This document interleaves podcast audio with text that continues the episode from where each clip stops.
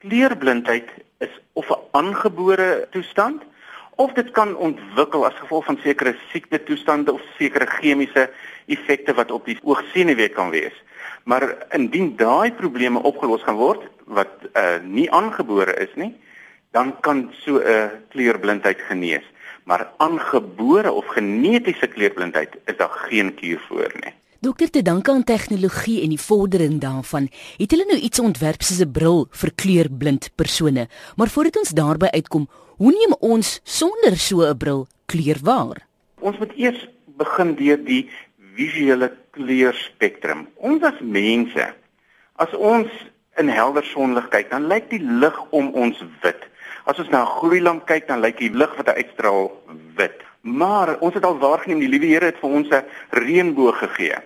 Nou as ons 'n reënboog sien, die rede daarvoor is die sonlig wat op die druppeltjies val en daai sonlig wat ons as wit lig ervaar, word dan opgebreek in sy verskillende kleurkomponente.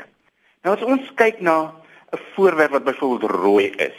Kom ons kyk na 'n brandblusser, hy's rooi vir ons. Nou hoekom sien ons daai brandblusser as rooi? Die rede daarvoor is hierdie wit lig spektrum val nou van die son af val direk op die rooi brandblusser. Al die kleure word geabsorbeer behalwe die rooi kleur. Met ander woorde, die rooi kleur word nie geabsorbeer nie. Die oranje, die geel, die groen, die blou en die violet word almal geabsorbeer.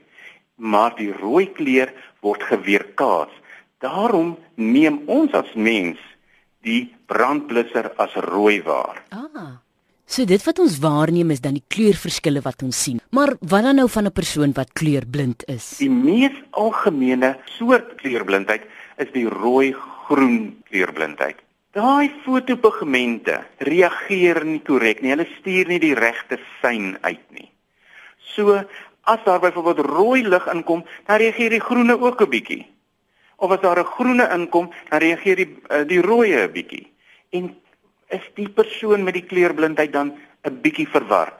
Hy kan nie mooi sien watter kleur daar is nie. En hier is dan nou waar die bril inkom. As ons kyk na die voorbeeld wat ek gebruik het van die reënboog. Daar's 'n baie subtiele oorgang van rooi na oranje na geel na groen na blou en violet. So daar's nie 'n definitiewe grens tussen die verskillende kleure nie. Nou wat hulle probeer poog met hierdie bril is om daai grense baie duideliker te maak. Mm. Nou hoe gaan jy daai grense duideliker maak? Lig se kleur hang af van die golflengte wat hy is. Jou lang golflengte is jou rooi en jou heel kortstes wat ons kan waarneem is die violet. Nou daai oorgang golflengte tussen die rooi en die oranje byvoorbeeld. Ons gaan daar 'n paar golflengtes uithaal sodat dat die oorgang 'n baie meer definitiewe oorgang is en nie daai subtiele oorgang nie. En net so van die oranje na die geel na die groen. Haal ons 'n paar golflengtes uit. Ons doen dit deur sekere absorberende materiale in die lense in te werk wat daai spesifieke bandwydte van golflengtes absorbeer wat as daai subtiele oorgang gesien word. Nou is daar 'n baie definitiewe oorgang en is dit vir daai fotopigmente baie makliker om nou net op groen te reageer of net op rooi te reageer en is daai onderskeid baie makliker.